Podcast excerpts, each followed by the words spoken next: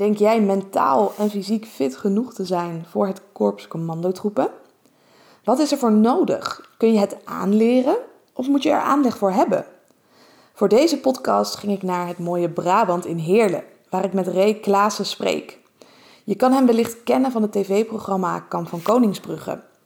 En tijdens deze podcast zoomen we in op zijn achtergrond bij Defensie en hoe je jezelf mentaal kan trainen. Hoe ga je om met weerstand, onzekerheid en tegenslag? Wat zijn de verschillen en overeenkomsten tussen topsport en defensie? En welke lessen kunnen we halen uit defensie zonder dat wij een hele zware opleiding hoeven te volgen? En geloof me, dit is een aflevering die je echt niet wil missen. Niet alleen vanwege het super interessante gesprek dat ik met Ray had, maar ook omdat hij nog een hele bijzondere aankondiging doet in deze aflevering. Dus ga er goed voor zitten en luister mee. Nou, welkom. Dankjewel. In Heerlen zonder N, West-Brabant, dicht bij Roosendaal, Korps Commandotroepen. Wat natuurlijk ook de link is uh, in Kamp van Koningsbrugge. Is dat ook de reden dat jullie hier zitten met het kantoor? Ja, nou, het heeft in elk geval wel geholpen. Ja. Het is niet per se de reden. Op een gegeven moment moet je de plek ook matchen met, uh, met wat er beschikbaar is en wat je zoekt. Uh, maar dat, was, dat is een nou, prettige bijkomstigheid, zou ik kunnen zeggen. Mm -hmm. um, maar goed, wie ben ik? Uh, ja, Ray Klaassen is geboren en getogen in, in Helmond, uh, stad in Oost, uh, net buiten Eindhoven. En uh, eigenlijk al eh, vrij snel, toen ik volwassen werd, de stad nou, ontgroeid zou je kunnen zeggen. Ik ben mijn, carrière bij het ministerie van Defensie begonnen, op de Koninklijke Militaire Academie in Breda. Dan heb ik of, opleiding tot officier van de genie gevolgd. Een beetje de weg- en waterbouwers van Defensie. En uh, nou, dat carrièrepad heeft me eigenlijk mee door Nederland genomen waar ik ben gaan wonen. Dus uh, van Breda uh, naar Vught, naar Wezup. Uiteindelijk ben ik weer teruggekomen in, in Breda. Omdat ik een overstap gemaakt heb van de genie naar het Korps dat is ook wat je kunt zien, hè? daar wordt de link natuurlijk gelegd in Kamp van Koningsbrugge. maar ik ben daar als officier in 2001 begonnen. Um, de elementaire commandoopleiding gedaan, wat eigenlijk de selectietest is van kun je dit wel en, en, wil je dit echt en ben je in staat om dat, ja, ook de, de technische en vakinhoudelijke kant van speciale operaties, om die je eigen te maken en de leiding aan te geven. En voor mij was die technische kant was contra-terreuroperaties. Mm -hmm. Dus dat betekent dat je in het buitenland een taak kunt krijgen om uh, high-value targets, dus uh, ja, bijvoorbeeld kopstukken van een terroristische groepering, om die te arresteren. Of om daar informatie over in te winnen, of om enzovoort, enzovoort, enzovoort. Dat hebben we gedaan. Uh, daar ben ik uiteindelijk ook doorgegroeid uh, in opleiding en trainingsland. Dus ik ben uiteindelijk deze mensen op gaan leiden. En ook samen met het team nieuwe concepten bedacht, die beter, um, ja, zeg maar, beter toegespitst waren op het werk van het Korpscommandotroep in het buitenland. Nou, op een gegeven moment in 2006 kwamen natuurlijk de Oeruzgan-missies, waar ook echt veel ja, laten we zeggen, veel gevechtscontact is geweest en er is gewoon een heleboel uh, gebeurd.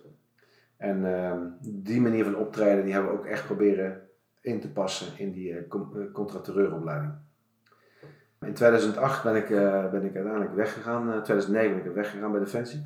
En toen ben ik bij de AIVD gaan werken, in Zoetermeer, een inlichtingorganisatie. Heb ik ook een, een buitenfunctie gehad. En daar heb ik tot 2014 gewerkt en toen was het voor mij wel klaar met mijn overheidscarrière.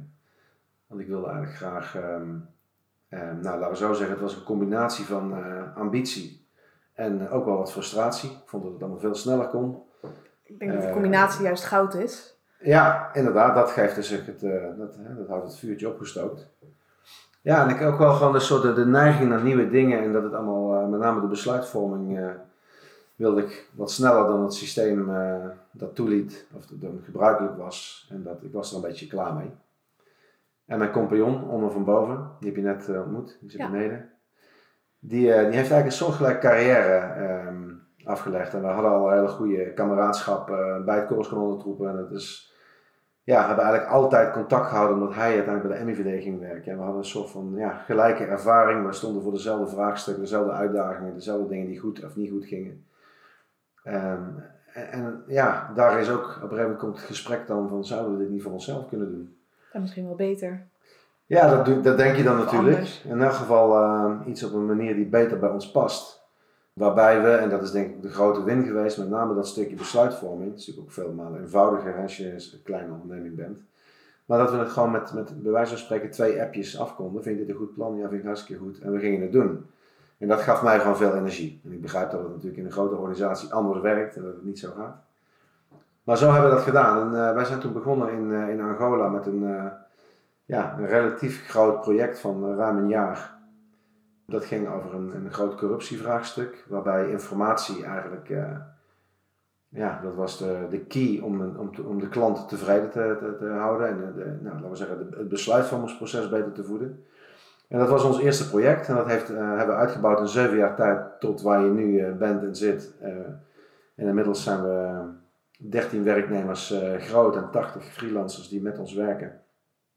En we hebben nou, in Nederland inmiddels een aardige footprint waar het gaat om uh, opleiden en trainen uh, voor de overheid. Maar we doen het ook voor de particuliere sector en voor individuen.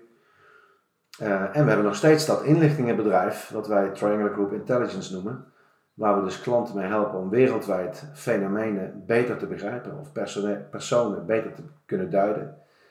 En ja, inmiddels zo, we hebben er een aardige weg op zitten. Ja. En verder ben ik uh, vader van, uh, van vier kinderen. Gelukkig samen met Marjella wonen we in Middelburg. 48 jaar en nou, vol energie. Ik ben benieuwd waar we naartoe gaan met je gesprek nu. Precies. ja. Ik ben een aantal dingen ben ik heel benieuwd naar. Laten we beginnen bij het begin. Ja. Je was toen 18 jaar en toen ging je uh, solliciteren bij Defensie. Nu was ik 19 jaar. Was je 19? Ja. Oh ja, ik, ik was zelf ook 19 toen ik ging solliciteren bij Defensie. En ik las dat jij ook het VWO hebt gedaan. Ja. Um, bij mij was er best wel wat weerstand vanuit mijn omgeving. Die zeiden, nou je hebt, een, uh, je hebt heel veel potentie om te gaan studeren. Waarom ga je solliciteren bij Defensie? Hoe was dat voor jou? Ja, dat was wel wat anders. Was anders? Ja, want ik snap het wel. En de mensen met wie ik zeg maar in de KMA uh, opgegroeid ben, bij sommigen speelde dit ook. Maar ik kwam uit een, um, uit een super fijn gezin. Uh, maar we woonden wel in de Volkswijk, een arbeidersgezin. En de meeste mensen om mij heen, zoals ik opgegroeid ben, die gingen niet naar het VWO. Die, die, ging, die maakten andere keuzes. Omdat ze dat of, ja, gewoon dat het zo ging. Dat ze het, uh, zo liep dat nou eenmaal. Dus ik was eigenlijk de enige, samen met een andere jongen, die ook naar de KMA's gegaan toevallig. Die wel op het VWO terechtkwamen. En ik voelde dat toen zo, want we hadden het thuis uh, niet slecht, helemaal niet, maar ook niet heel breed. We, kwamen, we gingen niet elk jaar op vakantie naar het buitenland. En ja, er moest gewoon uh, ook opgelet worden met, met, met hoe nou, zeg maar, wat het gezin, waar, waar het gezin de uitgaven aan deed. Dus ik voelde een soort van verantwoordelijkheid. Als ik nu ga studeren, ja, dat kost echt klauwen met geld en hartstikke duur. En nou, zoiets als Defensie, dat krijg je al betaald tijdens krijg je betaald en dat is gratis opleiding. Dus in mijn omgeving zei niemand van waar begin je aan, want je kunt wel gaan studeren. Sterker nog, iedereen dacht van wow, die gaat uh, het leger, hè? die wordt soldaat. Dat was zoals dat uh, opgepakt werd. Want ja, hij ging dan niet naar de KMA om officier te worden. Nee, die, ging, die trok een groen pak aan, die werd soldaat. Want wij hadden ook helemaal niet de beleving allemaal van je gaat dan leiding geven of je krijgt verantwoordelijkheid of je komt in managementfuncties terecht. Uh, dat speelde niet. Nee, je gaat iets doen met wapens en kogels en uh, een beetje dat. Uh... Ja, dat B-punt was nog niet heel helder voor jou waar je uiteindelijk naartoe wilde. Nee, voor mij al wel wat verder, omdat ik me natuurlijk in moest verdiepen, want ik wilde natuurlijk wel solliciteren, dus ik wist heel goed waar ik in kwam. Niet dat het nou helemaal tot me doordrong wat het dan ook inhield, maar ik begreep wel dat ik een bepaalde positie ging krijgen daar en dat ik een academische opleiding moest volgen en vond ik ook allemaal helemaal prima. Maar bij mij thuis was dat nou niet per se een vanzelfsprekend. En het was ook helemaal niet zo van, ga wat doen met je leven? Uh, hoezo ga je naar Defensie? Ik denk dat ze wel trots waren. Dat fijn. En ik, ik, kwam dus niet uit een groen nest. Hè. We hadden geen militair om me heen, mijn ooms niet, mijn, mijn, mijn, neven of broers. Nee, iedereen zat of in de bouw of uh, ja, deed hun ding. En ik was daar toch wel een vreemde eend in de buit. Ik ben ook een van de weinigen vanuit de familie die ook echt op deze manier, zeg maar, uh, ja, Helmond is uh, ontgroeid. Of Blijft ontgroeid, maar daar weg mee gegaan. Zeg je? Blijven veel mensen daar in het dorp wonen? Ja, het is zelfs een stad. Maar het is een, ja, het is een stad. En uh, nou, de meesten wonen daar. Ik heb een, ik heb een, broer van mijn vader, die is uiteindelijk geëmigreerd. Twee broers naar Australië. Dus we hebben wat neven en nichten in Australië wonen. En we hebben nog wat um, aangetrouwde familie of familie vanuit mijn vaders kant in, in Tilburg en omgeving. Maar het is allemaal wel georiënteerd. Werk en wonen en sporten en, en leven, dat is allemaal een beetje in dezelfde stad. Uh, wat op veel plekken zo is. Alleen voor mij is dat altijd anders geweest. ik ben met mijn werk meegegaan. Hè. Als je militair wordt je geplaatst ergens en dan kun je kiezen om binnen te gaan slapen. En bijvoorbeeld in je eigen woonplaats te blijven wonen. En dus in de weekend alleen maar thuis te zijn en je kinderen alleen maar in het weekend zien. Of je verhuist met je werk mee. Met alle ja, gevolgen van dien. Je, je bouwt dus moeilijker uh, vermogen op met huizen die je koopt. Uh, je bent continu een beetje onrustig in je opbouw van je sociale omgeving. Uh, mijn vrouw destijds, is inmiddels zijn we gescheiden, maar die, ja, die moest dus ook iedere keer het sociaal vangnet opbouwen. Dus het geeft ook onrust in het gezin. toen we in Breda gingen wonen, in, dat is in 2002 geweest, toen zijn we daar wel echt blijven wonen om daar ook te blijven. en ik werkte toen in Roosendaal. En ja, toen werd het allemaal wat meer steady zou je zeggen, maar toen werd het werk veel ja, dat legde echt wel een beslag op, uh, op de tijd. Dat was niks met, niks met mijn werk te maken, dat was mijn leven. Ja, mijn vrouw moest echt uh, thuis de, de, ja, de toko draaiende houden. Ja, dus je hebt niet alleen je team van je collega's, maar natuurlijk ook thuis de mensen die je moeten steunen daarin. Want ik kan me voorstellen dat als dat niet meer het geval is, dat, dat je nog een pilaar hebt die aan het wiebelen is. Ja, dat klopt. En dat, en dat um, ja, dat, ik denk dat er ook gewoon statistieken over zijn in dit soort beroepen zijn echtscheidingen ook gewoon uh, ja, schering en inslag. En dat heeft natuurlijk ook te maken met de werkdruk, de instabiliteit, ook vaak wat er gebeurt. Hè, dat je thuis nog moeilijker een klankbord vindt dan als je bijvoorbeeld naar kantoor gaat. Dat zijn toch wat dingen die wat makkelijker begrepen worden. Niet dat men thuis bij mij niet begreep wat Defensie met me deed of wat het, hoe belangrijk het was of wat een taak was, maar het gevoel wat er onder schuil gaat, dat is anders. En dat bespreek je dan toch liever met je collega's uh, er zijn vaak ook hele leuke dingen vol met humor, maar die wordt daar gewoon heel goed begrepen. Dus dan had je een soort van een schifting in wat, je, wat de gespreksonderwerpen dan waren. En Mag je ook alles delen thuis of zijn er ook nog limieten in? Ja, mogen. Kijk, er zijn dingen die je niet mag uh, zeggen. Hè. Die zijn dan uh, gerubriceerd als staatsgeheim. Uh, dat bij de IVD speelt dat nog, nog sterker, zou je kunnen zeggen. En daar, is dat, daar wordt dat ook echt uitgeademd. Uh, maar je hebt natuurlijk echt wel een, je vindt echt wel een modus om dingen bespreekbaar te maken. Je hoeft niet per se uh, man en paard te noemen om uit te leggen waar je met je hoofd zit. En het gaat ook om wat het met je doet. Precies, en dat is eigenlijk waar je thuis voor nodig hebt. Dat doet er dan niet toe of je, of je een onderzoek doet naar uh, persoon X in land Y. je kan wel zeggen van, god, ik word onzeker hiervan, of hier word ik onrustig van, of dit vind ik niet leuk, of hier word ik heel gelukkig van. En dat niveau van bespreken, dat heb ik altijd wel gedaan. Ook in elke relatie, altijd.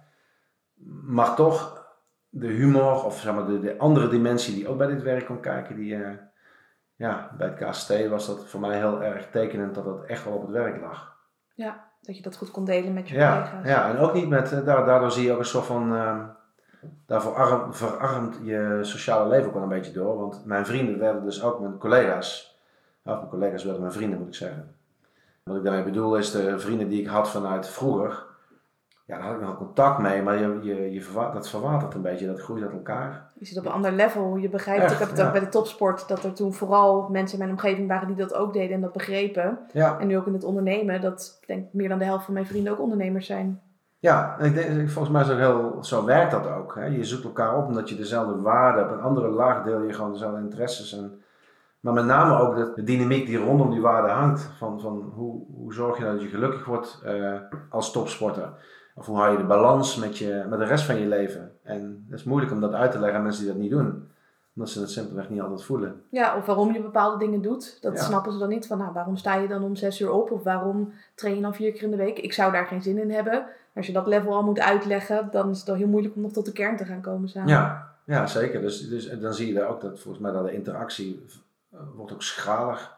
En, en, en ik vind aan de andere kant, dat ik vind het ook meteen een gemis want ik was op een gegeven moment zo verweven met dat werk, sociaal gezien, maar ook uh, professioneel. Dat was voor mij gewoon het werk en ik had mijn gezin. En natuurlijk had ik familie, maar de gesprekken uh, tijdens het kerstdiner gingen dan over de dingetjes die gebeurd waren in de afgelopen week. En, uh, en dat was dan wat het was. Terwijl ik zelf wellicht eerder in de spiegel had moeten kijken van ja, maar je verarmt jezelf. Dat ligt niet aan een ander, dat doe je zelf. Ja, je identiteit hing heel erg af van hetgeen wat je deed. Ja, en, en, en die identiteit werd dan ook vertaald in activiteiten. Dus wat deed ik in mijn privé-tijd? Dan ging ik het liefst naar de Ardennen toe met diezelfde vrienden om daar dingen te doen die leken op wat we bij Defensie ook deden. Omdat ik dat gewoon heel tof vond. Terwijl ik had ook kunnen kiezen om dat bijvoorbeeld te doen met andere vrienden, om daar die band te versterken. Dus ik, mis dat soms wel. Ik denk wel dat ik daar um, een afslag genomen heb die, uh, dat ik nu ook terugzie. Ik heb dus nu weinig vrienden van, van, van vroeger, zeg maar. Nu trek ik wel banden aan. Dat is ook wel wennen aan elkaar. Het is ook minder, ja, dat moet weer groeien, zou je moeten zeggen. Ja, mooi wat je ook benoemt, van het is heel comfortabel om dan die mensen op te zoeken en dan de dingen te doen die jullie ook altijd samen doen. Maar zoek juist dat oncomfortabel op, gaat dat ze met andere mensen doen of doen met diezelfde mensen andere activiteiten. Omdat je weet van op de lange termijn, dat verrijkt eerder je leven. Ja, dat denk ik ook. En dan zou het helemaal mooi zijn als je dat niet doet omdat je er bewust van bent van hé, hey, dat zou me misschien wel eens kunnen helpen. Maar dat je, dat je dat ook echt leuk vindt. Dat je het doet omdat je het wil en niet zozeer omdat je beseft van hé, hey, ik, ik verarm. Dus je begrijpt wat ik uh, ja. bedoel. Ja, je hoeft niet overal een doel van te maken, Precies. maar ga gewoon eens wat anders Ja. doen en eh, je ziet het wel. Ja. Ja. En dat, dat is de afgelopen jaren erg veranderd. Dat, dat werd al heel anders toen ik in Zoetermeer ging werken. Ja, want toen maakte je de overstap denk ik van Defensie naar eh ministerie van. Binnenlandse Zaken, ja, dus IVD. Ja, hoe was dat? Ja, dat is een, een shock. Ja, Dat is echt een shock, want ik, kom, ik kwam uit een warm bad, wat voor mij een warm bad voelde. Mensen die ik heel erg begreep, die, waar ik van hield. Het werk hield ik van, eh, het paste heel erg bij me.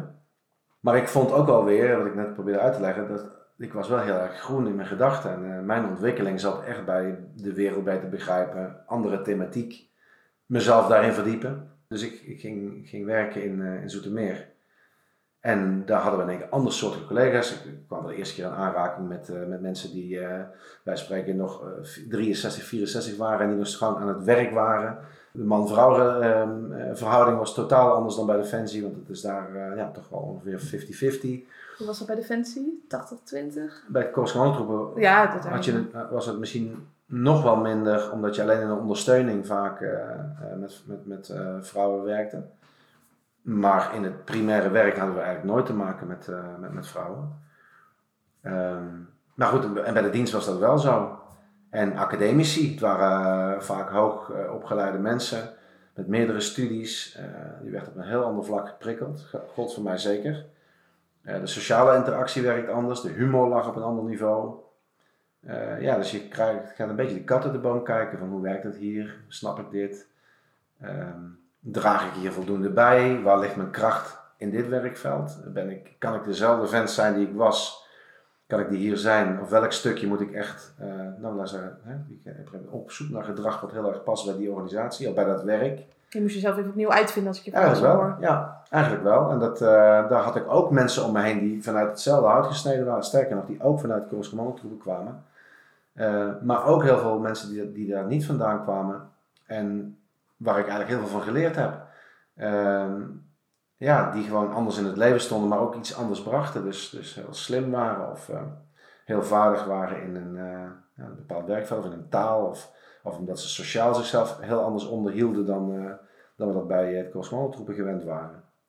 En ik heb daar, en dat duurde ook niet lang, maar het was in het begin wel onprettig. In de zin van, oh man, wat doe ik mezelf aan? Is dit, eh, is dit wat het moet worden? Terwijl het werk wat ik zou gaan doen, dat trok me wel heel erg aan. En daar had ik ook veel te leren, want daar was ik eh, niet bepaald ehm, gewend om dat te doen. Dat had dan te maken vaak met intermenselijk contact en ehm, nou, gedrag lezen, communicatie gebruiken als tool om, om iets voor elkaar te krijgen met mensen. Ja, dat moet je leren. Daar heb je natuurlijk ook opleidingen en trainingen voor. Maar dat is anders dan dat, dat gaat bij, bij, bij Defensie. Nou, je zei, ik merkte wel dat ik mezelf tegenkwam. eh, Ja, twijfelde van is dit het wel? Heb je gedacht om ermee te stoppen? nou stoppen niet, niet voor de inhoud, want dat heeft me altijd wel gewoon ook op de been gehouden. Ook niet per se voor de mensen, hoewel ze echt anders waren dan waar ik vandaan kwam. Maar ik woonde in eh, Middelburg. Ik eh, moest mezelf elke dag naar Zoetermeer rijden. Dat is gewoon dik, rijden meer? dik anderhalf uur. Ja. Maar ik moest ook terug. M- met de gedachte van, ja, zo uitdagend vond ik het allemaal nog niet. Dat moest nog wel komen en dat is ook echt wel gebeurd. Ik heb daar een hele leuke tijd gehad. Eh, met hele leuke collega's. En ehm, ja, ik bedoel, ik had voor geen goud willen missen. Als ik erop terugkijk, dan heb ik nog steeds een veel warmer gevoel bij mijn tijd bij de Korpscommandotroepen. Maar dat komt meer omdat ik zelf meer daar beter pas. En dat, eh, dat dichter ligt bij eh, ja, wat mij eigenlijk drijft in het leven. Eh, en ook de mensen. Ik hou toch meer van een homogene structuur eigenlijk dan, dat, dan van zo'n heterogene structuur. Dat is ook wel iets wat, eh, wat ik herken. En nu, hier in deze onderneming, hebben we eigenlijk die twee werelden een beetje laten samensmelten. Dus we, hebben, wij werken hier met mannen, vrouwen, jong, oud, door elkaar. We werken voor klanten, wat natuurlijk een hele specifieke doelgroep is. Hè. De klant is koning, dat, dat doet ook iets met, Dat weet jij ook als ondernemer. Dat doet iets met je, hoe je je verhoudt tot, eh, ja, tot je professie, tot je opdracht. Dat, dat het er gewoon van afhangt. Die klant bepaalt namelijk of, of, die, eh, of jij succesvol bent. Maar er is wel een vraag van de klant. Dat vind ik zelf ook wel schelen. Van de mensen die willen iets van jou. Die hebben wel een doel waar. van wat ze ongeveer willen. Ja, dat, dat is mooi als ze er zijn, maar je zet natuurlijk nog een wereld voor dat er een klant is. Dat is Ja. gewoon hè, het lopen Het van de blauwtjes. het, en, eh, eh, ja, en zorgen dat je, dat, dat je je boodschap helder hebt en, en, en ziet van wat is de markt en hoe moet ik mijn prijsstelling doen. En, ja, gewoon de onderneming eigenlijk runnen voordat je überhaupt een betaalde klant hebt. Ja, Dat is- toen was die switch voor jou van, van loondienst eh, bij, bij Defensie, bij, naar, bij de IVD naar ondernemen. Ja, dat is eigenlijk weer zo'nzelfde. Dus de tweede keer spring ik weer in een andere pool. Maar dan moet je het zelf doen. Dan is er geen vangnet, er is geen constructie waar je in zit. Die je wel opvangt als het even mis, eh, misloopt. Je moet het zelf doen. En dat, eh, dat, dat, dat werkt bij mij heel goed. Ik, eh, Jij gaat er wel goed op om in diepe te springen. ja, en, ja, eh, ja. En om, met name omdat ik weet van de energie zit hier, die moet uit mij komen. En op het moment dat ik in staat ben om die energie om te zetten in, nou, waar ik dan hè, in dit geval dus een, een, een trainingsproduct of een intelproduct, dan ben ik er ook van overtuigd dat ik het kan verkopen. Als die behoefte er is. En omdat ik in staat ben om het vertrouwen te winnen van de klant, ik ben in staat om uit te leggen dat wij dat, dat goed kunnen, en die behoefte in te vullen. Eh, en dat we dat gewoon met hele goede mensen doen. Eh, en bij Onder werkt dat precies hetzelfde. We lijken op papier enorm op elkaar, maar zijn totaal verschillend. Erg complementair, durf ik te zeggen. En we hechten veel waarde aan werken met, met goede mensen. Dus eh, daar zorgen we dan ook goed voor. De mens is onze kracht. Dat is een beetje een slogan die we wel eens gebruiken. Het is niet alleen maar een werknemer, maar het is ons visitekaartje. Het is onze know-how. Het is de het toolbox waar we overal doorgevoerd in de hele Alles. branding van het bedrijf. Alles is mensen. Dus mensen moeten optimaal kunnen werken. En dat vraagt van ons als werkgever dat wij dus die mensen moeten faciliteren zodat hij optimaal kan werken. En dat is anders dan dat je zegt van, ik kom nu bij de Triangle Groep werken, we beginnen hier om 8 uur, om 5 uur stoppen we, dan lunchen we. Zo zien de rapportages eruit. Nee, jij weet dit. Dus jij begint te werken wanneer het voor jou goed uitkomt, omdat je dan optimaal werkt. En dat is eh, heel anders omgaan met het fenomeen werk. En ja, dat- daar, eh, daar zijn we ook een beetje uit aan het vinden, want ja, zo word je niet opgevoed in Nederland. Hè. Niet dat je werkt eigen anders. regels mag bepalen. Ik denk bij Defensie Nee. ook niet dat je eigen regels mag bepalen. Nee, niet bepaald.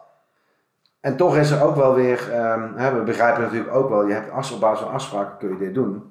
En als wij in een project werken en we beginnen om 9 uur met een, een vergadering, dan is iedereen daar om 9 uur. Dus hè, je ziet ook wel die stukken van Defensie terugkomen.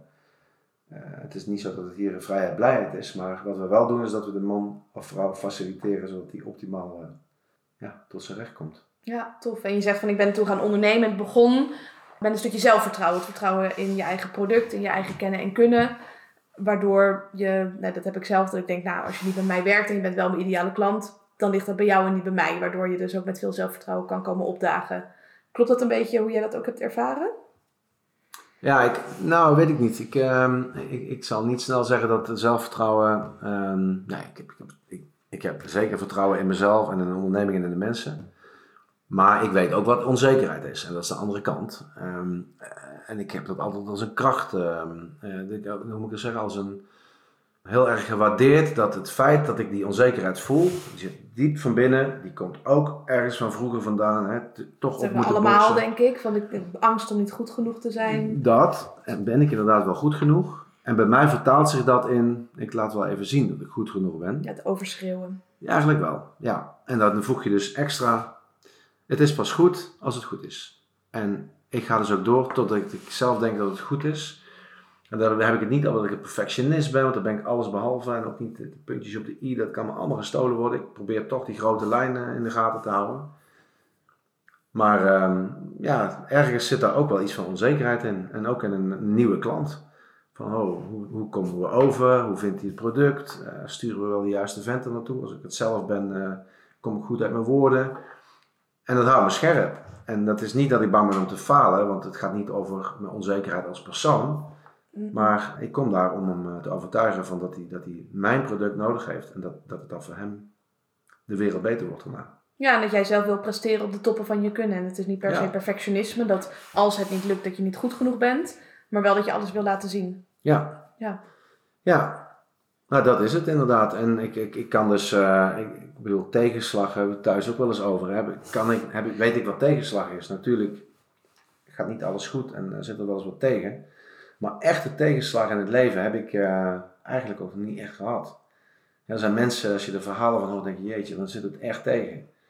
Dus ja, dat geluk, dat, ja, dat, en, dat, en ik vraag me eens af van, is dat nou zo of beleef ik het zo? Ik denk dat, ja, dat is mijn, mijn mening natuurlijk erover. Ik heb voor mijn gevoel nog nooit echte tegenslag gehad. Dus als ik kijk naar de feiten, zijn er wel dingen gebeurd in mijn leven waarvan mensen denken van, wow, als ik dat zou meemaken, dan zou ik niet weten wat ik met mezelf aan zou moeten bewijzen van spreken. Maar dat het heel veel beleving is van, vind je dat inderdaad een tegenslag of zie ik de kans Precies, ja, dat is precies zo. En ik, als ik dat er zelf over zou moeten schrijven dan zou ik zeggen, nou, ik, heb, ik ben gezegend met, uh, met ook het geluk uh, wat ik heb. En het is ook hoe je dan durft te kijken. Um, ja, en niet alles is altijd van een leien dakje gegaan. Dat is, dat is ook zo, maar er zijn ook mensen om me heen die hebben gewoon echt wel voor de kiezer gehad. En dat, uh, dat is bij mij anders. Ja, denk ik. Ja, of nou, als ik je verhaal zo hoor, kijk naar de dingen die je wel hebt. Ja, zeker. Want sommige mensen hebben dan bijvoorbeeld meer tegenslag op het vlak van geld, of dierbare verliezen, of mentale struggles. Ik denk dat we allemaal wel iets hebben en kunnen het vergelijken met elkaar. Nou, mijn moeder die zei altijd, kindertjes in Afrika hebben honger, jij hebt geen honger. Maar voor je gevoel op dat moment kan het of heel heftig zijn, of helemaal niet. Precies, ja. Ja. Zei mijn moeder trouwens ook. Ja? je mocht nooit zeggen, mam, ik heb honger. Nee, je mag zeggen, je hebt trek. Honger, dat, uh, dat ken je niet. Ja, de kindertjes in Afrika die kwamen bij ons ook uh, regelmatig. Ja. Uh, ja, nee, goed. En terecht denk ik ook. Ik bedoel, dat is ook een beetje wat het is. Hè? Relativeren, dat is wat je moeder daar ook doet. En wat mijn ouders ook altijd gedaan hebben. En ik zelf nu nog steeds doe. Het kan altijd erger. En um, ja, heb ik, wat heb ik nou te klagen als ik kijk naar die situatie? En, en dat soort dingetjes. En ik probeer ook altijd te kijken vanuit wat er wel kan. En vanuit de kracht. En vanuit niet per se de positiviteit. Want ik durf ook wel nuchter te zijn. En soms misschien te denken van nou weet je, het, is, het gaat er niet om dat ik nou de ultra positivo ben. En je hoeft het niet te sugarcoaten beter te maken dan Precies, het is. dus dat, dat, er zijn ook mensen die dat doen. Maar dat, mm. is niet, ik heb ook niet per se last van... Uh, ik, ik ga altijd makkelijk slapen. En er gebeuren hier ook dingen waar ik toch best wel wakker van zou kunnen liggen. Maar ik lig er niet wakker van, want dat helpt me niet. Dat sterker maar, dat, dat put me uit. Dat, ergens zit dat in mijn systeem. Dat ik morgen los het op en ik ga het zo doen. En met volle energie nu even goed rusten. Ja, en hoef je het niet mooier te maken van, oh, er zijn geen zorgen. Of, nee, die zijn er wel. Dat is het niet, maar je ziet het gewoon zoals het is. Je gaat geen heel verhaal omheen creëren in je hoofd. Precies dat. En ik denk dat ik dan, uh, waar ik dan wel trots op ben, uh, net over onzekerheid, dat dat ook iets, iets drijft het ligt niet altijd aan de oppervlakte, maar je weet gewoon dat je.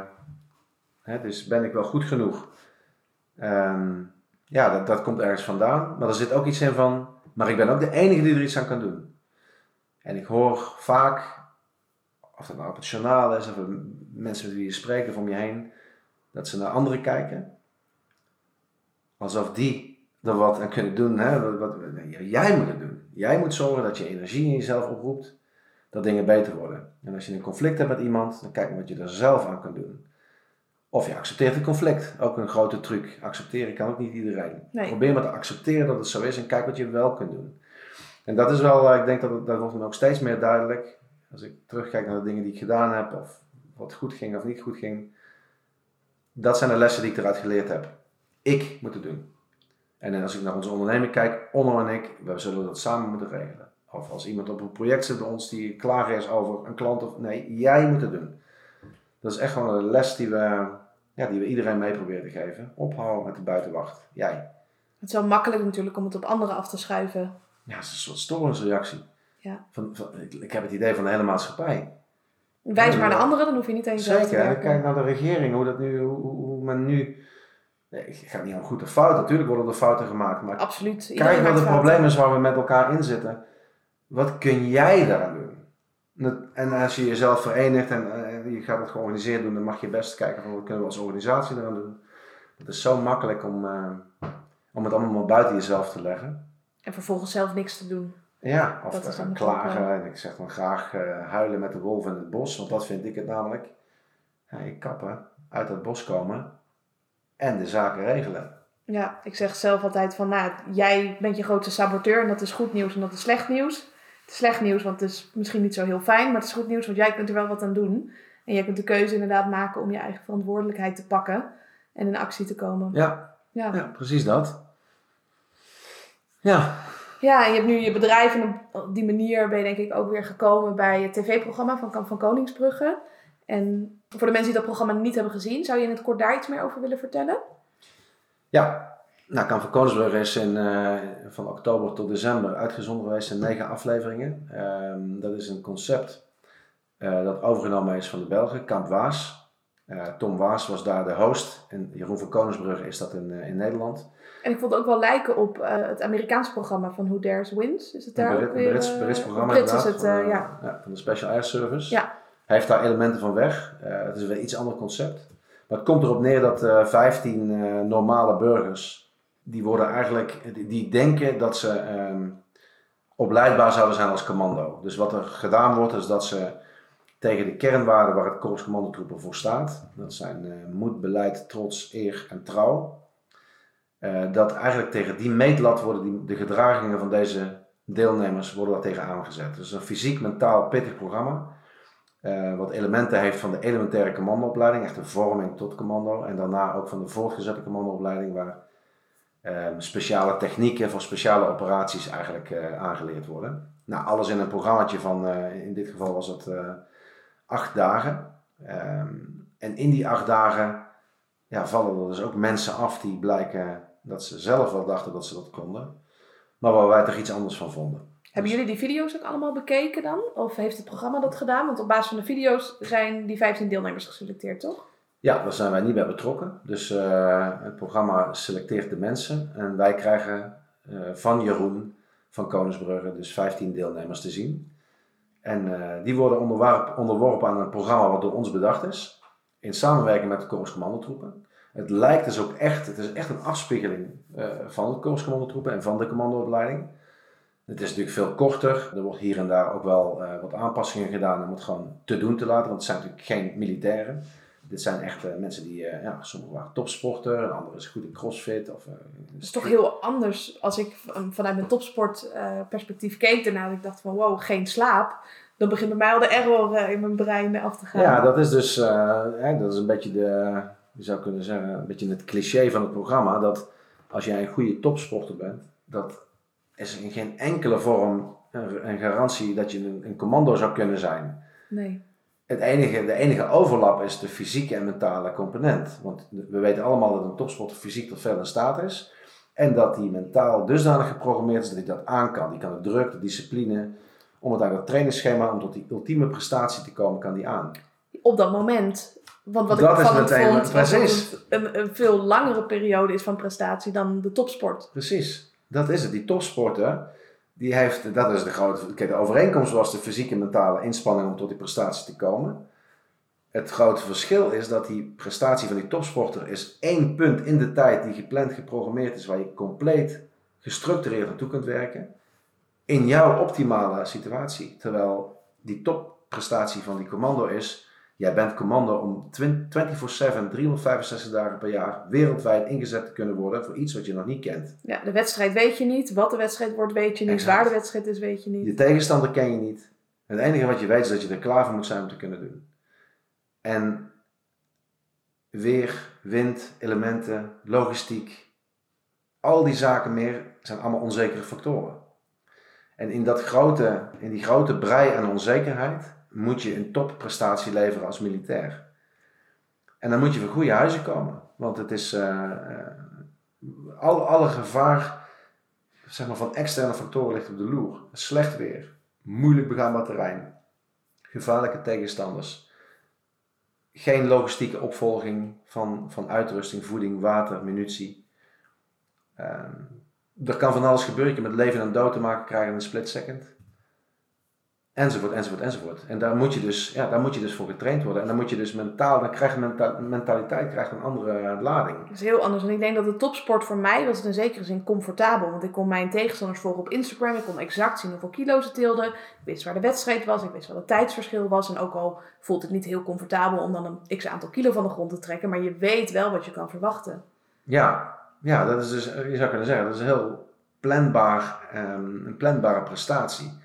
Die je nog steeds zelf moet leveren, wat maar weinig mensen kunnen. En eh, het is niet voor niks topsport, dus je bent echt het topje van de piramide die dit mag en kan doen. Dus dat is ook allemaal waar. En het is ook geen vergelijking van meer en minder. Het is Absoluut anders. niet. Nee, het is anders. En dat vind ik leuk om te zien dat we denken vanuit het programma van... oh, je bent fysiek fit, dit zal je wel aan kunnen. Maar dat dan blijkt, volgens mij na een uurtje... dat er al twee mensen uitlagen uit mijn hoofd... die fysiek best wel fit waren. Ja, na één, eh, na, er, er is inderdaad, eh, nou, na een uurtje is iemand uitgevallen. Die, die kreeg een blessure. En eh, daarna is er niet meteen iemand uitgevallen, maar wel iemand die, waarvan we zagen van ja, die, die gaat het ook niet redden. Nee, als je dan al tegen de eerste muur aan loopt. Ja, en, en, en, en, en kunnen het uittekenen. Want je weet waarom dat gebeurt. En wat wij dan in het programma ook vaak benoemden, en bij het Korscommando gebeurt dat ook.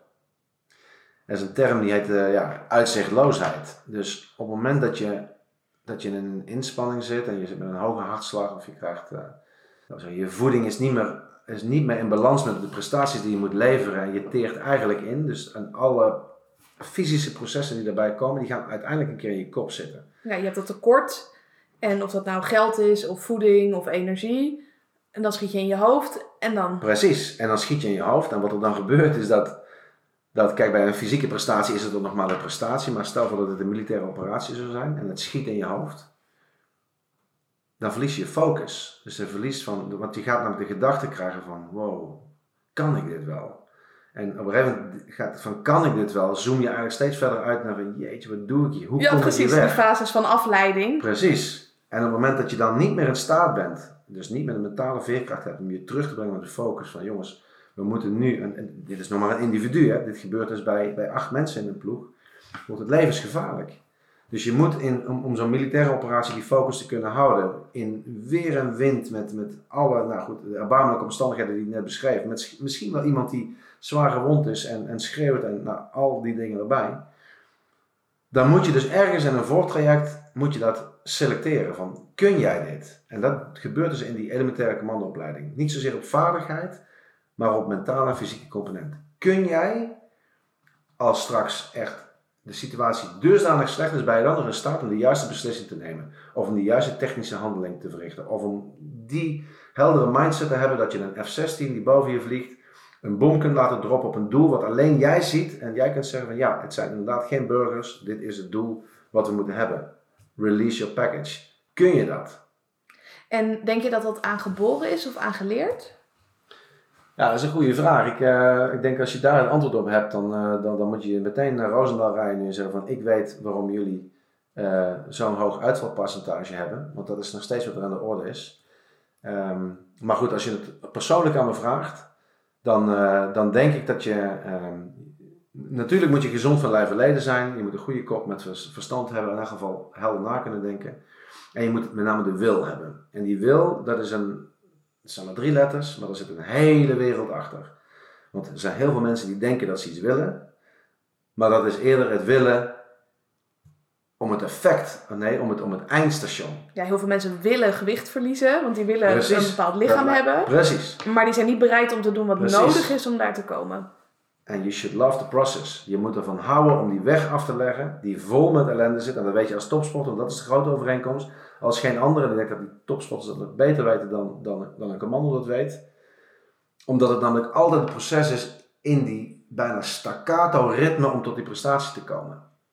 En dat, dan moet je dus elke ochtend moet je jezelf weer oppeppen om nog weer die training, weer in die sportschool, weer een stukje rennen, weer fietsen, weer enzovoort enzovoort. Wij hebben dan nog iets van afleiding en spanning en avontuur en buiten de gym, et cetera. Ik geloof daarom niet in motivatie. Ik hoef mezelf niet op te peppen, ik doe het gewoon. Dat, dat stukje waar je het over had, je bent gewoon in het nu, je doet het. Als je erover gaat nadenken van die afleiding van waarom ben ik dit aan het doen, dan Ben je ben je focus kwijt. Dus nee, ik spreek gewoon met mezelf af, dit is wat ik ga doen. En dat ga ik ook doen. En dan hoef je er niet over in discussie te gaan.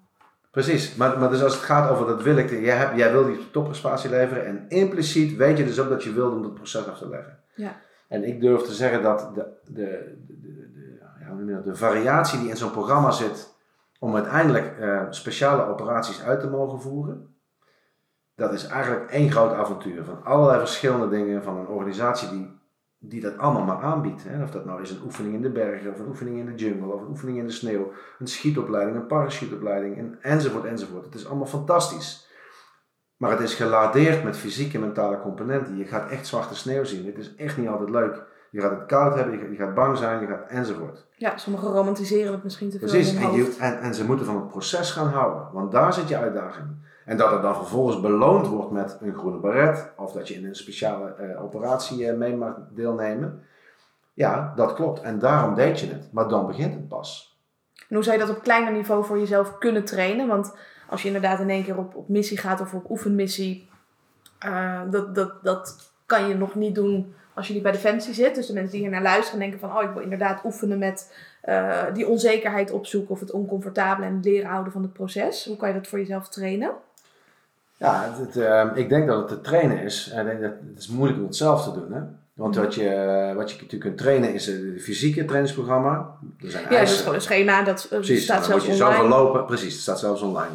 De mentale kant, ehm, ja, eh, het, het, het jezelf houden aan het schema, er zit al iets mentaals in, maar dat is niet wat we hier bedoelen. Ik denk bijvoorbeeld dat het helpt als je met een, ehm, nou ik doe het met mijn zoon, we hebben, we hebben twee zoons die hebben ook eh, echt wel met defensie, één wil richting de mariniers, de andere wil naar de korpscommandotroepen toe. Ik ga dat stukje met hem in het klein oppakken, dat hij even voelt wat ik bedoel met mentale component. Dat is niet dat je doorzet, of niet dat je weet wat het is om honger of koud te hebben, maar dat is gewoon de hele cocktail aan ellende waarvan je niet weet dat die stopt. En je gaat het bos in, je gaat met nat hout proberen een vuurtje te maken, wetende dat de volgende opdracht er alweer aankomt. Weten dat je er nauw moet gaan lopen, dat je niet gaat slapen en dat je niet weet wanneer het stopt. En dat is niet om hem te pesten, dat is niet om hem daar te testen of om hem een soort vooropleiding te geven, maar om echt te laten zien van snap je wat ik bedoel met het proces. Je moet er doorheen. Als je dat nooit gedaan hebt, dan voelt dat awkward. Dat is heel onprettig en het is heel normaal dat je denkt van wat doe ik hier. En laat het er maar zijn die gedachten. Nee, je hoeft Maar daar niet eh, nog meer over na te denken of dat te onderdrukken. Precies, en als je dit, als ik, als je dit in de Ardennen doet en je mag je telefoon neem je mee en die telefoon die, die ligt naast je en we maken één afspraak. Je gebruikt hem niet, maar je houdt hem wel aan. Dus je ziet appjes binnenkomen, je ziet dat je vriendinnetje je wil bellen. En het enige wat je niet mag doen is terugbellen. En op het moment, en dat lukt je makkelijk. De eerste dag. Lukt je makkelijk. Dan volgende kan het nog op wilskracht. Maar daarna denk je van, dan voel je gewoon dat je dat kwijt moet van wat doe ik hier?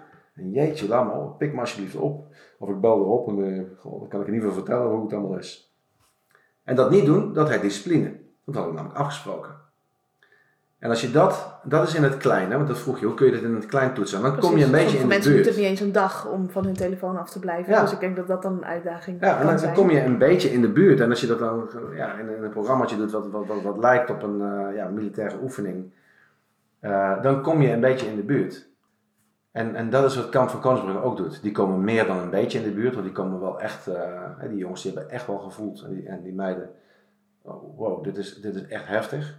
De mentale druk, het stopt nooit, eh, want, want, want zes uur peddelen is niet zwaar, of acht uur peddelen, maar het is wel zwaar als je al drie dagen niet geslapen had en vervolgens niet weet waar je naartoe gaat, niet weet En al wat je oefeningen doen. hebt gedaan. Precies, en dan wordt het vanzelf, gaat het in je systeem zitten. En dan is het die uitzichtloosheid. Dus het is gewoon lange, trage inspanning. Die, die op een gegeven moment saai en dodelijk vermoeiend wordt. En alles doet pijn. Het is koud en nat. En ja, dat, dat is het. En daar moet je dan van leren houden. En als je dan elkaar aantikt. En je kunt echt bijna in de lach schieten van jeetje man. Dan heb je het door. Ja. Dan heb je het door. Het is, het is, het is bijna, ja, humor is je grote redmiddel eh, op dat moment. En het is een beetje leedvermaak, maar het hoort er ook een beetje bij. ja, precies. Want als je daar nog eens van gaat zitten balen dat je jezelf zo Ja. zielig vindt, dat gaat ieder geval Precies. niet in je voordeel werken. Dat is ook weer een groot verschil met topsport. Hè? Ik denk dat de topsporter heeft het zwaarder, omdat vaak eh, het programma is wat klinischer. Hè? Het is veel meer uitgestippeld, je weet precies wat je gaat doen. Dus je bent minder eh, verrast en minder euforisch. Het is weer die saaie training. Topsport is vaak natuurlijk ook individueel, zeker in jouw, eh, in jouw tak van sport. Terwijl bij ons is het heel vaak ook een teaminspanning. Dus je kunt ontladen naar elkaar. Je gedeelde smart is halve smart. Dus er zitten ook ehm, elementen in die het ook gewoon draaglijker maken. Het is gewoon anders. Maar er zitten ook componenten in die gelijk zijn. En wat je zag, vond ik een mooie, bij Kamp van Koningsbrugge, zat eh, Kendra. Echt een op hoog niveau eh, crossfit. Super fitte vrouw. Ehm, en gaf op een, om een moment ook eerlijk toe van ja, ik ben dit gewoon niet gewend. Hij zat op een gegeven moment ook pijn aan de voet. Precies. En in de topsport zijn we gewend van je moet niet te veel over je grenzen gaan, want dan ga je geblesseerd raken. Dus dat, pas maar op, geef maar die 95%, max 100. ja. Maar 110 is niet zo'n goed idee. Ja, nee, dat. En ze had ook echt iets aan de voet. En het, het later bleek dat ook volgens mij zelfs richting een ontsteking te gaan op de bot of zo. En dat is natuurlijk extreem pijnlijk. En eh, we doen het dan in het programma ook een beetje af als, hey, ja, weet je wat je mankeert? Je hebt gewoon last van je voet. Maar de essentie van het programma is dat je dit koppelt aan de, de, de bittere werkelijkheid. Als jij straks met je ballen in Afghanistan zit en je hebt daar last van je voet, ja, jij hebt last van je voet, zet je er maar overheen, want we hebben een taak te doen met elkaar. Ja, dat is er gewoon. Dat Laat het staan in, en zorg dat het niet in je hoofd gaat zitten. Precies, want anders ben je een last voor de ploeg en draag je niks bij. En we hebben geen, we hebben geen obstakel nodig in die ploeg, we hebben je nodig als teamlid. En dat is wat daar natuurlijk in het programma, ook met, die, eh, met de dame Rut die last van de knie had. Die zei, Ja. nou wacht, hè, ik ga wel door en dan Ik zou nog wel wat proberen en dan kijk ik halverwege wel. De topsport kan dat. dat kan in de topsport, maar dit werk kan dat niet. Want Nee. dat betekent dat anderen ja, echt wel een groot probleem opgezadeld zetten. Het zou onverantwoord leiderschap zijn als je dan mee zou nemen. Ja, en ik denk zeker in de topsport dan gaat het ook bij de individuele sport om dat jij een topprestatie levert. En bij Defensie gaat het altijd om dat de uitkomst, het team, dat dat presteert op de toppen van hun kunnen. En dat je jezelf wel eens ondergeschikt moet maken. Ja. Dat vond ik ook mooi met Jonathan, die dan zei, ja, maar ik heb de tijd voor mezelf nodig, want dan kan ik beter functioneren in het team. Ja, En dat is helemaal niet de essentie. Nee, en dat, eh, dat is natuurlijk ook een grappige opmerking. Want ergens, als je het gewoon in een eh, meer generieke werksetting, dan zit daar kern van waarheid in. Hè? Want als je goed voor jezelf zorgt, dan kun je ook Absoluut, als jij goed slaapt, goed eet, dan ben je meer gefocust. Precies, en dat is een waarheid als een koe. Maar als je de setting ziet, jongens, je bent hier bezig met een, een, een opleiding tot Special Forces Operator. In elk geval iets wat daarop lijkt. En in die opleiding hebben wij continu uitgedragen, het gaat hier over samenwerken, jezelf wegcijferen voor het teambelang, zorgen dat je opofferingsgezind bent om dat doel met elkaar te halen. Want jullie worden ingezet om dat ene doel tot een succes te maken. En dat is een democratisch besluit van een regering geweest met gevaar voor eigen leven word je ingezet. Dan is er geen ruimte meer voor als ik nu voor mezelf zorg, ben ik beter voor het team. Dus jij moet jezelf wegcijferen om te zorgen dat je met elkaar die optimale prestatie kunt leveren. En dat, eh, als je dat uit moet leggen nog in dat stadium, dan zit je al op de verkeerde plek. Ja. En dat doe ik niks af van het feit van de criticasters die ik gehoord heb. Van dat als je niet voor jezelf zorgt, kun je nooit voor een ander zorgen. Want Ja, dat is wat ik. anders. Ja, dat is als, eh, als de luchtdruk wegvalt in het vliegtuig. Dat je Precies, eerst je eigen masker opzet en dan dat van een kind. Maar je kan niet zeggen bij Defensie, oh ik slaap wel acht uur per nacht. Jongens, eh, gaan jullie dan maar wacht houden. En dan ben ik in ieder geval fit. Maar dat jullie omvallen van de slaap, nou, dat is een detail. Precies. Ik kan in ieder geval de groep leiden. Maar dit is het. En, de- en dat vertaalt zich ook mooi in dat programma, want we spreken het nog niet uit. Of eh, die jongen wil zich gewoon even terugtrekken. Was ook, een wat, was ook op zichzelf. Hij schrok van zijn eigen gedachten, denk ik Hij ook. ging toen wapenonderhoud in de tent doen. En er is niks mis mee per se. Maar het geeft ook aan dat je niet per se begrijpt wat er nou bedoeld wordt. Want juist door met elkaar dat te doen, nou enzovoort. Ja, zoek die verbinding op. Dat is Ja. juist heel belangrijk voor het team. Ja. Ja. En of het nou aangeboren is of aangeleerd. Maar waarin denk je dus dat de mindset voornamelijk van eh, mensen bij Defensie of van de commando's verschilt van mensen die het niet halen of er niet bij zitten? Ja, dus ik denk dat het, ehm, en ik, ik, ik zou dat liefst wel eens een keer willen, willen, willen testen, maar ik denk dat het komt met, ehm, het, sowieso met de verwachting die je aan de voorkant hebt. Dus het plaatje wat je van tevoren voor jezelf getekend hebt van ik ga nu de commandoopleiding in om straks eh, bijzondere operaties te doen. En dat ziet er zo uit. En dat Ja, ziet er zo uit, dat is bij de ene is dat een, een verhaal van een broer of een oom of een vader. Bij de andere is dat een filmpje, bij de andere is dat een voorlichting. Weer een ander die kijkt naar een soort tv-productie. En iedereen heeft een andere verwachting.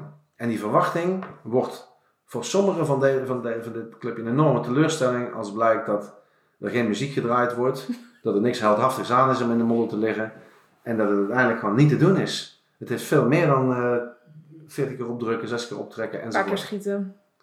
En, en dat is, die mensen die hebben gewoon mentaal knakken die meteen. Dus die ben je al kwijt. Die hebben zich gewoon slecht voor laten lichten of geïnformeerd.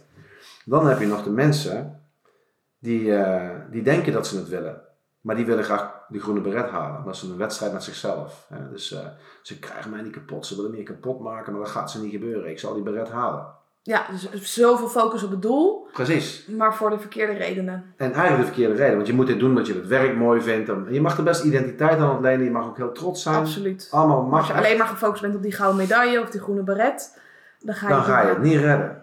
Dan ga je het niet redden. En omdat je niet weet met die gouden medaille, want je doet het nog met een aantal contesters, wie, eh, misschien is er straks iemand net beter. Dus als je op die gouden medaille, dus hoe ga je dat eh, meten? Dus je moet gewoon, alles wat in je zit moet eruit. En als er in jou 100% zit, dan moet die 100% er ook uitkomen. En dat is bij commando worden niet anders. Jij moet laten zien wat je in je hebt. Want het, we maken het soms ook echt groter dan het is. Als ik het heb kunnen doen, of we hebben het met mij 5000 mensen hebben het kunnen doen, waarom kun jij het dan niet? Want je bent gezond, je, kunt, je doet de basiseisen. Het enige wat je nog niet doet, is dat je nog niet goed het plaatje hebt. Er komt een moment dat ik denk, red ik dit wel? En dat, dat kwaaie stemmetje, dat kruipt in je kop. Je stelt je vraag die drie keer, je bent dan alleen, je bent zeiknat, je hebt geen vreten, je weet nog niet hoe lang het duurt. En als dan die vraag blijft komen, dat is je grote vijand. Ja, Dus je moet een antwoord hebben op dat stemmetje op dat moment. En ik denk als je dat voor elkaar krijgt, dat mensen, dat je die even bijna hypnose, dus ik maak het nu heel gek, maar je kunt die mensen van tevoren daar aanraken, dat ze herkenning hebben van, dit bedoelen ze dus. En als je dan humor hebt, dan ben je er. Ja, ik vergelijk het inderdaad altijd met die krachtige en die zwakkere versie van jezelf. En hoeveel aandacht geef je aan allebei, allebei de kanten. En dat maakt of je iets wel of niet gaat halen. Dus als je helemaal in gesprek gaat met jezelf, met die zwakkere versie van, oh, ik ben zo zielig, het gaat me niet lukken, inderdaad, zij is sterker, zij is beter, ga lekker naar huis, dan is het game over. Ja, dan is het game over. Ja. Ja, en als je dan met humor ernaar kan kijken of op een andere Ja. manier, of het er in ieder geval kan laten zijn, of dat kan delen van, oh jongens, dat vond ik ook heel krachtig in het programma. Op een gegeven moment een meisje zei, ja, ik, ik, ik weet niet of ik het ga halen. Volgens mij was het Marjolein. Dat ik dat Ja. ook heel tof vond, dat dat er mocht zijn en dat ze daarin ook tegengesproken werd. Ja, en het is ook, het is ook een, de- zij legt dan die gedachte op tafel. Ja, het is heel normaal dat, eh, dat als je het niet redt of je glijdt uit een touw en je brandwonden op je, op je handen, dat je dan denkt van ik ga het niet redden. Dat is wel een hele normale gedachte. Als je er maar iets tegenover zet. Want als die gedachte de baas wordt, dan ben je verloren. Dus denk het maar als je dan in de plomp ligt en eh, die moet je weer oppeppen. Maar pep je op en ga het doen.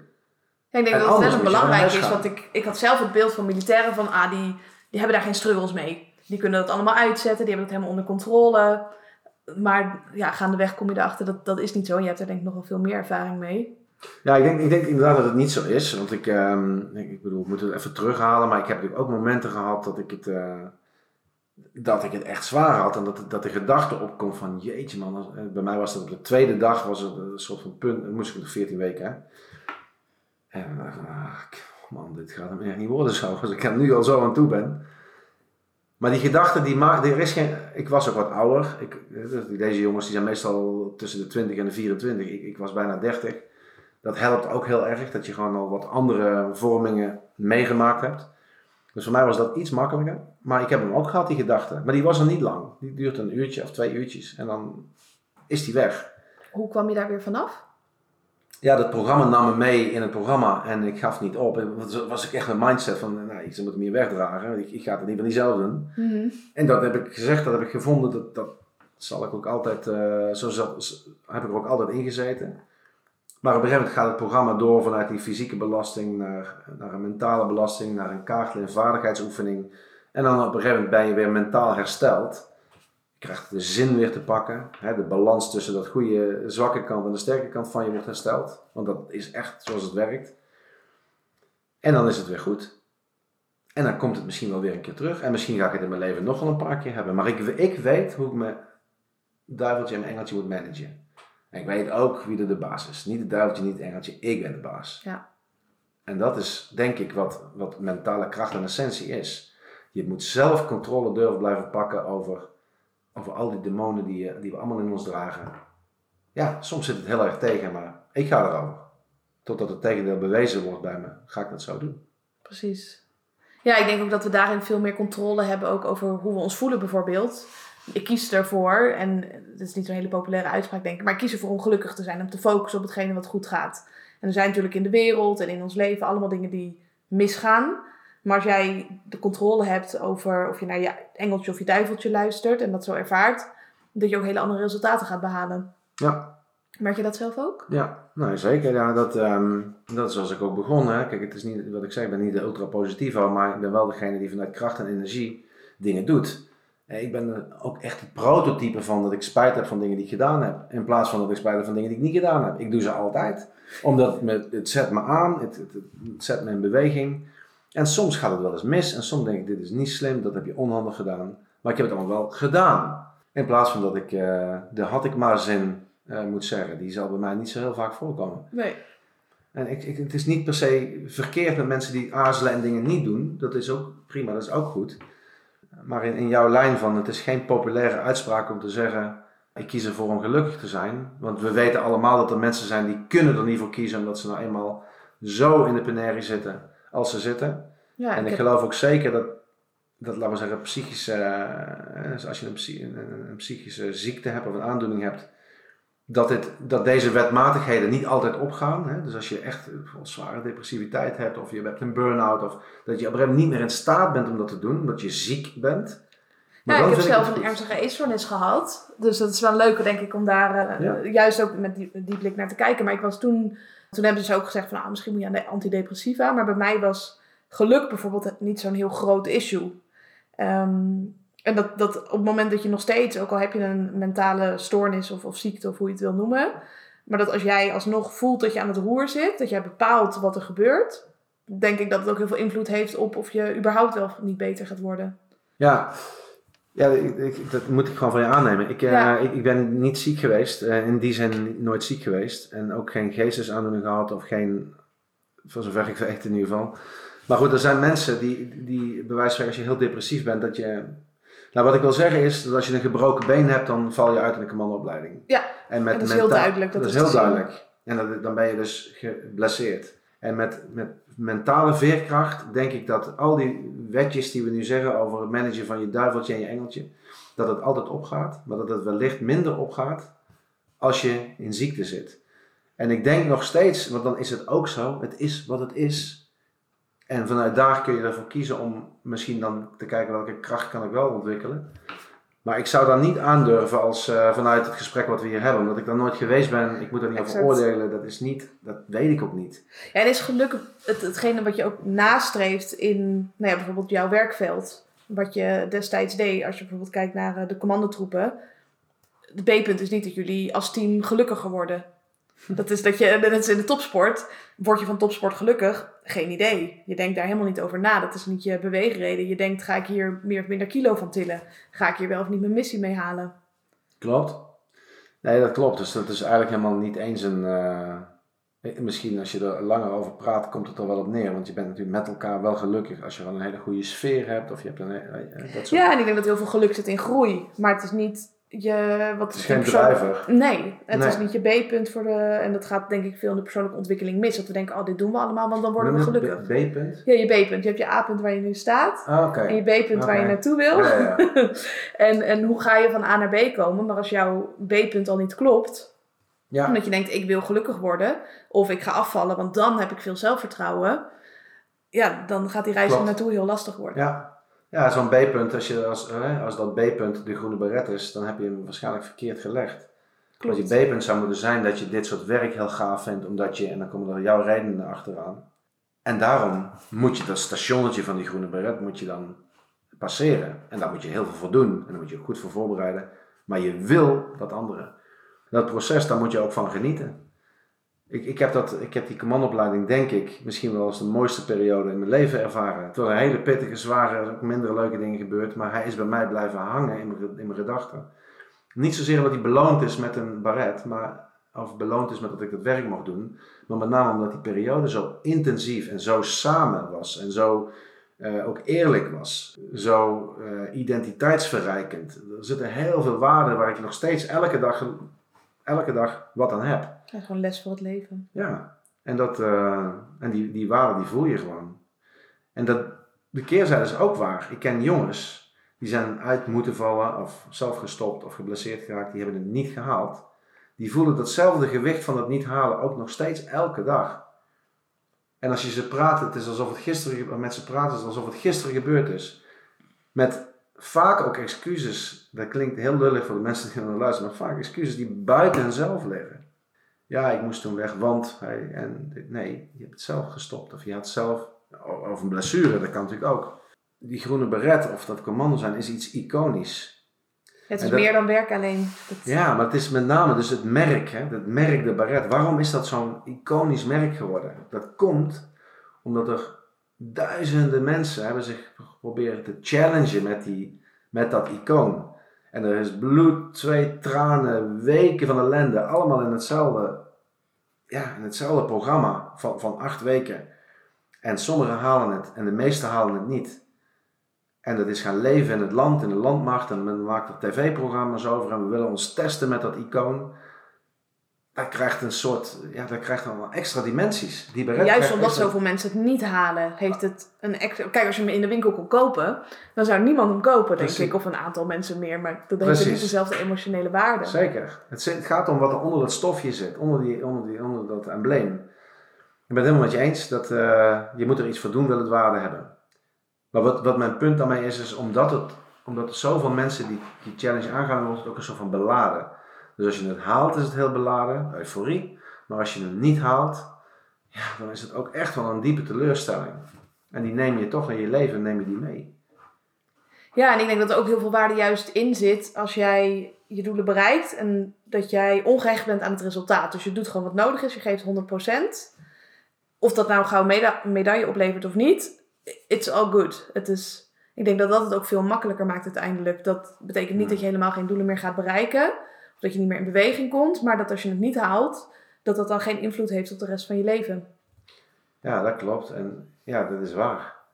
Je moet, de vraag is alleen, denk ik, dat de mensen die die het niet halen, die, ehm, natuurlijk gaan die door met hun leven. En, maar waarom komt dat, dat punt van het toen gefaald hebben terug? En tegen wie vertellen ze dat? Dat is ook de grap. Dat komt pas terug als ze die jongens van toen, met, met, met wie ze het gedaan hebben, die het wel gehaald hebben, dan komt dat dingetje terug. Want in de rest van hun leven speelt het niet echt een rol. Nee. Maar het zit altijd als een soort van zeurend dingetje. Ja, En dat is ook iets, eh, dat is echt wel, ja, ik vind dat, eh, ik bedoel, dat, dat maakt dat icoon ook sterker. Want het is dus kennelijk belangrijk Het voor blijft, mensen. Het ja. blijft, ja. ja. En als we kijken naar dat B-punt, welke doelen heb jij nog zelf voor de toekomst? Welke dingen staan er voor jou voor nog op de planning voor het komende jaar? Ja, ja, goed, als, als het komende jaar eh, op zichzelf wel een B-punt is, dan krijg je flauwe verhalen nu over welke kant we op gaan met de onderneming. En dat we willen groeien en dit account binnen willen halen en die is belangrijk. Dus dat is echt een beetje boring, denk ik. Maar als, als ik over mijn leven zou praten over een B-punt, dan eh, ben ik er eigenlijk nog niet over uit. Maar dat, dan, eh, we hadden het net over geluk, hè? Dus van, dat, dat geluk eigenlijk nooit een B-punt is. Dat is moeilijk, vind ik toch best wel moeilijk. Want ergens zit je natuurlijk van, ik zit nu in, in deze onderneming, ik ben hier heel gelukkig in. Kinderen zijn inmiddels al zo oud dat ze echt op eigen been staan. De jongste is 18, de oudste 22. En dus ik, ik, mij, wat mij overblijft is eigenlijk eh, avontuur. Dat is wat er binnenkomt. Ik, ik, iets drijft mij van buiten Noorwegen, bergen, bossen, Canada, Alaska. eh, zoiets, dat komt dan op. En daar wil ik tijd voor vrij kunnen maken op een gegeven moment. Om dat ook te gaan, meer te gaan leven. En niet zozeer om nou eh, twee jaar lang eh, rond te trekken in Alaska, want dat, dat hoeft niet. Maar wel om gewoon met regelmaat eh, ja, avontuur aan te gaan. En dus in beweging te zijn. Of dat nou met een kano is of lopend of eh, op een motor. Maar ook, hoeft niet per se altijd. eh, maar dat is wat ik denk van, da- daar moet ik naartoe werken. Want dat, dat drijft mij van binnen heel erg. En dan liefst samen met vrienden of met mijn vrouw of met mijn kinderen. Dus los van werk en, en dat soort business ideeën. En misschien juist in je werk wel dat je jezelf wat meer gaat uitbouwen. Dat dat ook mogelijk is om te doen. Dat, ja, dan moet je, je moet je dus, hè, ik bedoel, financieel is één ding, eh, maar ik heb niks nodig. Ik bedoel, dit, dit gaat hier hartstikke goed, maar eh, al zou ik er de helft minder mee verdienen, of al zou het, om, God mogen het verhoeden, maar misgaan en ik moet gewoon rock bottom, dat vind ik ook allemaal oké. Ehm, ik, ik zou wel gewoon eh, willen kunnen zorgen voor mijn gezin en dergelijke, maar het is niet zo dat ik, ik heb het niet nodig. Ik ben niet eh, Je hebt niet van- nodig om gelukkig te zijn. Of... ik heb geen geld nodig of zo. Nee. Ik heb wel geld nodig om die tent te kunnen draaien. Geld heeft een andere waarde gekregen. Dat je gewoon werknemers hebt. Je moet gewoon, dit moet gewoon groene cijfers draaien, zwarte cijfers draaien. Dus daar, die lading, of die, eh, hoe noem je dat? Die connotatie kent het hier wel. Ja, dat zijn gewoon cijfers van nou, zoveel heb ik nodig om eh pand te kunnen betalen, dat. werknemers. Dat, ja, en daar moet groei in zitten, want anders is het niet duurzaam. Dus dat is, dat is het. Maar verder rest, eh, ik zou denk ik als ik 60 ben eh, en ik zou de token moeten verkopen en ik, ik zou in een blokhutje in Noorwegen eh, zitten met een, met een quad en een, nou, ik, zou, ik hoop dat ik nog kan hardlopen tegen die tijd. Tevreden. Prachtig. Elke dag vuur maken. Ik zie het helemaal voor me. Ja, dat, dat een beetje. Dus dat is ook wel mijn, mijn B-punt. Is, ja, is dat. Dus vrijheid. Niet per se in de grote stad, maar gewoon ver weg. En eh, ja, jezelf toch een beetje moeten onderhouden. Jezelf eh, hout moeten kappen. Dus ja, gewoon Ja, dit- soort basic. shit. Ja, en dat, dat, dat is mijn B-punt. Dus dat heeft eigenlijk helemaal niets te maken met groei. Maar Nee. eerder te maken met vrijheid en met eh, avontuur. En samen, hè, komt hij weer. Ik vind het leuk om met vrienden een whiskietje te drinken of een biertje te drinken. Of om te rennen of een stuk motor te rijden. En ik vind het leuk om met mijn vrouw veel tijd door te brengen. En mijn kinderen gelukkig te zien. En eh that's about it. Dat is ook uiteindelijk de essentie van het leven, denk ik. Ja, maar om daar te komen. bedoel, Ja, dan, dat- moet, dan dat- moet je andere dingen doen. dan moet je andere dingen doen. Hè? Je moet die vrijheid, dan moet je kunnen permitteren. Ik bedoel, ik heb mijn ouders, eh, die, eh, die zijn nu richting de 70. Mijn vader is net eroverheen, mijn moeder is bijna 70. Ze zijn hartstikke gelukkig samen. Doen hartstikke goed. En die hebben ook die vrijheid. Mijn vader die heeft achter in de tuin een soort eh, saloonachtig dingetje gebouwd. Als ik daar kom, dan heb ik echt het idee dat ik gewoon, eh, weet je, gewoon in een soort eh, saloon kom. En dan drink ik een biertje met hem. Dat is ook vrijheid. En ik denk dat hij het ook heel leuk vindt om, om, om in het bos buiten een vuurtje erbij. Maar die hebben ervoor gekozen om het zo te doen. Ja, dat is hun definitie van vrijheid. Ja. Voor mij is dat dat ik in het vliegtuig kan stappen of in de auto en kan gaan waar ik wil. Ja, voor jou is dat wat meer de connectie dan met de natuur opzoeken. ja, ja. Ja. En je deelde net ook al voor de podcast nog van er komt een tweede seizoen aan van Kamp van Koningsbrugge. ja. Wanneer komt dat? Nou, dat is besloten de afgelopen weken eh, dat er een tweede seizoen komt. Het moet nog allemaal helemaal eh, ontwikkeld worden. Zijn Misschien als allemaal- topsporters hier naar luisteren dat ze denken, ik meld me aan. Nou ja, zeker. De promo, heb ik begrepen, komt, eh, komt vrij snel. Dus wellicht nog wel voordat dit online komt. Eh, dus dan kun je je inschrijven en dan, gaan de, ja, dan gaat de inschrijving open. En het komt op tv, als ik het goed heb begrepen, ehm, in het najaar. Ja, heel spannend. Wordt het exact hetzelfde, nou, het zal nooit exact hetzelfde worden, maar hetzelfde concept als de vorige keer? Of komen er aanpassingen? Dat weet ik eigenlijk niet. En ik mag daar ook niks over zeggen. Nee. Maar dat, dat, eh, het concept, hè, dus dat, dat het, eh, dat het, dat het zeg maar, met het KCT te maken heeft en dat het eh, Kamp van Koningsbrugge heet, dat, is allemaal, eh, dat, dat, dat blijft allemaal hetzelfde. Maar überhaupt de inhoud is gewoon nog één grote verrassing. Eh, ook voor ons. Ja, ik ben heel erg. Ik ga zeker kijken. Ja, het is heel leuk. Ja, ik kijk zelf weinig tv, maar programma's over defensie of nou, wat ik over de politie vind ik dan wel heel gaaf om eh, Ja, te bekijken, maar ook echt te bestuderen en dan te kijken van welke lessen zitten erin. ja, ja. Ja, er is een boel op tv, hè? ook voor van, eh, nou goed, uh, Hunted had je al, uh, straks zei dat ook. En ja, dat is een laatste mooie, die, volgens mij is die op Videoland geweest van Marsov, een documentaire. Die heb ik nog niet gezien. Waar gaat die over? Dat is volgens mij een documentaire van de Maritime Special Operation Forces, de mariniers eigenlijk, hun speciale eenheden. Ja, volgens mij volgen ze dan een ploeg en een aantal specialisten binnen dat werkveld. Dus uh, met name ook water georiënteerd. Volgens mij is het heel, uh, ik heb het zelf nog niet gezien, maar volgens mij is het ook heel, uh, goed gelukt. Tof. Ja. Ga ik die ja. eens kijken. Ja, leuk. Heb je nog een laatste tip om aan de luisteraars mee te geven? De meeste mensen die het luisteren zijn, uh, nou, die willen meer in ieder geval uit het leven halen dan ze nu doen. Vaak uh, ondernemers of ambitieuze professionals. Um, en waar ze meestal mee struggelen is toch een stukje discipline. Niet alleen om in actie te komen, maar ook om dat stapje terug te doen, om rust te nemen. Als we kijken naar hoe zou je die discipline kunnen trainen, heb jij dan een bepaalde tip voor ze? Ja, kijk, de discipline een stapje terug te doen, dan moet ik denk ik, uh, dat, dat, dat, geldt bij mij ook nog wel eens. Hè? Kun je ook even een, tandje minder.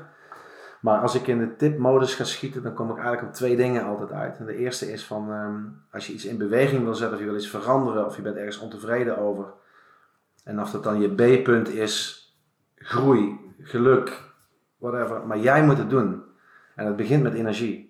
En persoonlijk leiderschap en ownership. Het is niet, het is niet makkelijk. Dit, dit moet je aantrekken.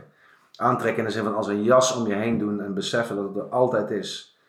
Uh, en op het moment dat je het uh, onderdeel van jezelf gaat maken, gaat het ook vanzelf. Dus en met energie.